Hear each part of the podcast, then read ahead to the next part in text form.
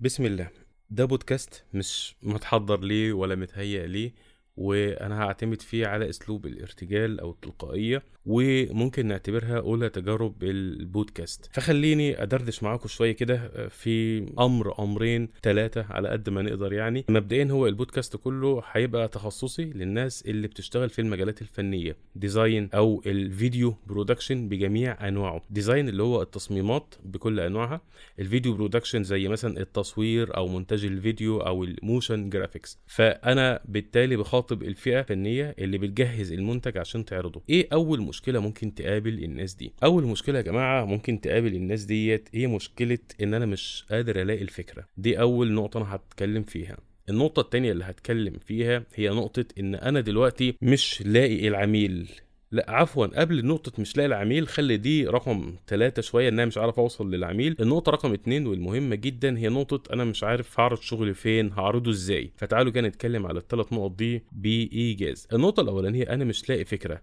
خلينا كده نتكلم بلغة بسيطة جدا. لو أنا دلوقتي عندي ورشة نجارة ومحترف وشاطر جدا وجالي واحد يتدرب عندي وبيقول لي يا معلم أنا عايز أعمل سرير وعايز أعمل خشب يعني عن خشبيات أو أعمال من النجارة زي ما أنت بتعمل كده بالظبط. قلت له طيب تعالى هدربك عندي ثلاث شهور بعد الثلاث شهور دي هعلمك كل اسرار المهنة. تتوقعوا إن أي حد هيجي يتدرب معايا أو هيجي يشتغل بعد الثلاث شهور دي هيطلع فنان ويعمل زي اللي أنا بعمله؟ لا هو هياخد مني الطرق. إزاي إحنا بنجمع الخشب؟ إزاي إحنا بندقدق المسامير؟ إزاي أنا بقدر أكون الفكرة؟ إزاي إزاي الفنيات دي كلها؟ لكن جزئية بقى إن هو يطلع الحاجة زي ما أنا بطلعها لا لأن أنا ما طلعتهاش من يوم وليلة. إنما الموضوع أخد مني شهور سنين على ما أوصل للمينتاليتي أو العقلية اللي أنا وصلت بيها دي. فنفس القصة برضو كده لما أنت تيجي تتدرب ودي أكبر مشكلة وأكبر عائق عند ناس كتير إن هو بيفتكر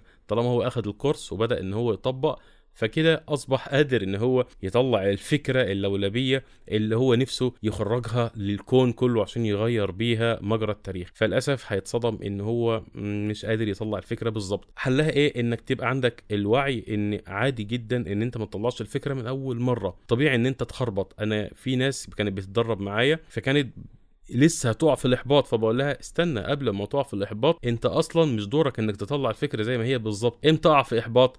لما أنا مثلا حد بقاله خمس ست سنين في المجال وأنا عارف هطبق الفكرة إزاي بس مش قادر إن أنا أطلعها. ساعتها أقول لك ماشي حقك بقى اللي أنت تحبط وتزعل إزاي أنا ما أطلعش الفكرة دي. لأن المفروض أنت بعد خمس ست سنين خلاص عقلك اتكون وبقى قادر إن هو يطلع أي فكرة بالتولز اللي معاك. طب أنت حد بقالك شهر شهرين ثلاثة فصعب إنك تطلع الفكرة من أول مرة. طب إيه الحل؟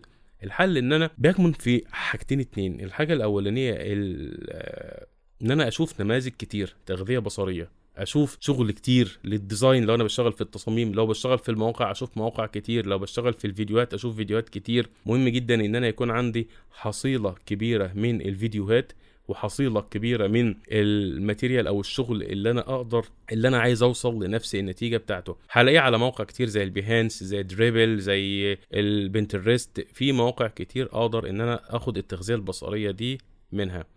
لو هنلخصهم في موقعين يبقى ال Pinterest dot com وال Behance dot net ده أكبر اتنين كمصدر. يبقى أنا أول حاجة بضطر إن أنا بحتاج إن أنا أشوف شغل ونماذج كتيره جدا. الحاجة التانية والمهمة برضه يا شباب هي جزئية الممارسة practice لازم تطبق بإيدك كتير جدا.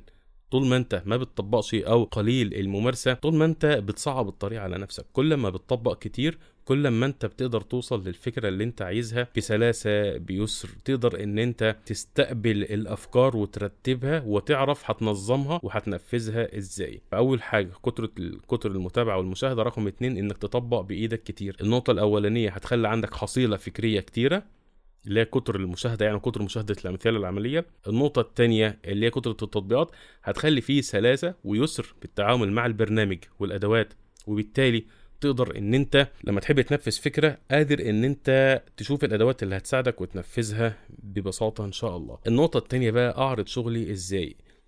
بعد ما أنا بخلص المجال بتاعي ايا كان بقى المجال ده هتوقعه طبعا على الحاجة اللي أنت بتدرسها سواء motion سواء design سواء video production ايا كان يعني. لو أنت بتدرس design مجالات الصور الثابتة التصميم الثابت فأنت هتحتاج تنشر على موقع زي ال Behance dot net. وتحتاج إن أنت تدخل على مواقع ال social media زي مثلا الفيسبوك تويتر لينكد إن. لينكد إن ده مهم جدا وتبتدي إن أنت تعرض شغلك على المواقع دي. توري للناس أعمالك. تعمل دوشة.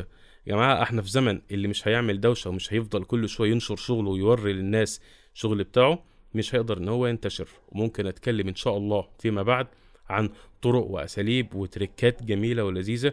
تقدر من خلالها إن أنت تنتشر. النقطة اللي بعد كده لو أنا بشتغل مثلا في مجالات الفيديو في الفيديو أنت بتبدأ إن أنت تعرض شغلك على مواقع الفيديو زي مثلا يوتيوب Vimeo بس ما بحب ما بحبش إن أي حد بادئ يبدأ عليه هو ليه مجالات معينة زي ال cartoon animation مثلا يعني أو ال character يعني ليه حاجات معينة كده لكن اليوتيوب هو حاجة جنرال شوية. أي فيديو motion أي فيديو مونتاج أي حاجة أنت صورتها اعرضها دايما على اليوتيوب وخلي ليك قناة باسمك اعرض عليها شغلك وبرضه لازم تعمل دوشة وكل شوية يا جماعة ده آخر أعمالي ده آخر شغل ليا. وتقعد تحكي دايما كده للناس عن طبيعة الشغل بتاعتك. وليكن مثلا أنت رحت عملت مثلا شغل ل brand من البراندات. سواء كان الشغل ده مجاني حتى أنت عملته مجاني ليهم من باب يبقى فيه تبادل المنفعة إن أنت بتديهم شغل مجاني مقابل إن هم بينشروا الشغل على الصفحة بتاعتهم مقابل إن أنت يبقى اسمك اشتغلت مع ال brand ده. وعلى فكرة مش كل البراندات بترضى بالقصة ديت براندات معينة أو بعض الناس معينة ولازم يكون شغلك شاطر لأن ده برضو بالنسبة لهم واجهة. ما هو مش هيجيبوا شغل واحد آه، لمؤاخذة عويل واحد آه، شغله تعبان. ولا ده برضو باسمهم مهما كان. فإذا لازم يكون شغلك برضو كويس. المهم بتاخد شغلك على ال brand ده وتبدأ إن أنت تنشره.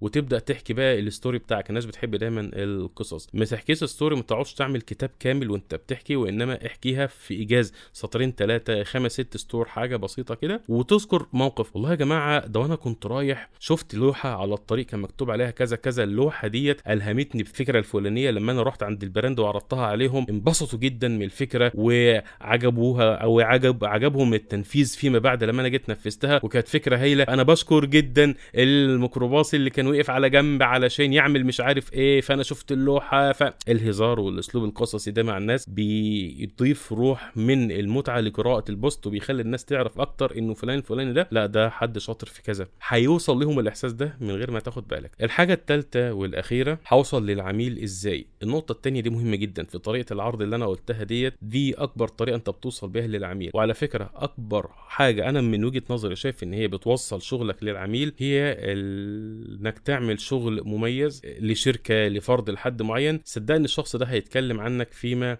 بعد ده حصلت معانا كتير جدا. إنك تعمل مثلا project محترم كل بروجكتاتك لازم تكون محترمة يا راجل يا طيب. ما ينفعش تعمل حاجة كروتة لأن كل ده في الأول والآخر محسوب عليك. بالذات الشغل الحساس والشغل اللي بيبقى معروض قدام الناس. فشغل الناس بتسأل مين اللي عمل الشغل ده؟ مين اللي سوى ده؟ طيب نقطة برضو من النقط المهمة كمان في نشر الشغل عشان نكون عمليين أكتر أنت محتاج كل فترة إن أنت دايما تزن على الجمهور. محتاج إن أنت تعمل دايما كده awareness تقول للناس يعني إيه motion graphic اتعلم motion graphic إزاي؟ أنت هتعمل لهم توعية بالكلام ده؟ آه طبعا. ما تكتفيش بس بحتة إن أنت تعرض شغلك. اعرض شغلك عادي من وقت لتاني. اعمل برضو كمان awareness وعي الناس يعني إيه المجال بتاعك. كتر الزن ده هيخلي الناس تسمع إن آه محمد خاطر بيعمل motion graphic محمد خاطر بيصمم motion graphic. محمد خاطر بينتج motion graphic. كتر التكرار ده بيخلي الشخص اللي قدامك يعرف إن محمد خاطر ده بتاع motion graphic فبالتالي لو أنا جيت سمعت حد بيسأل عن مين يا جماعة ممكن يعمل لي فيديوهات motion graphic هروح أعمل على طول mention ليك يا محمد يا خاطر. ليه؟ لأن أنا سمعت كتير عن موضوع ال motion وإنك تعمل فيديوهات. فدي يا جماعة برضو من الأساليب القوية جدا لعمل ال awareness أو لعمل التوعية للجمهور حوالين الشغلانة اللي أنت بتشتغلها. في أساليب كتيرة ممكن نتكلم عليها الفترة الأيام الجاية ديت. أنا دي كانت أولى تجارب يعني زي ما أنتم شايفين يعني بالهدوم المتواضعة بال ده مش setup أصلا كده والله أنا كنت قاعد فحبيت آخد التجربة ديت ولكن في نفس الوقت حبيت انها تكون مفيدة شوية للناس. فإن شاء الله يا رب يا رب ادعوا لنا كده تتيسر الأمور الفترة الجاية وأعمل لكم توبكس كتير مهمة أقدر إن أنا ليكم فيها الخبرات والحاجات اللي الواحد استفادها وإن شاء الله يا رب تكونوا استفدتوا من الكلام البسيط اللي إحنا قلناه النهارده. شكرا لكم وأشوفكم إن شاء الله الحلقات الجاية. على خير. سلام.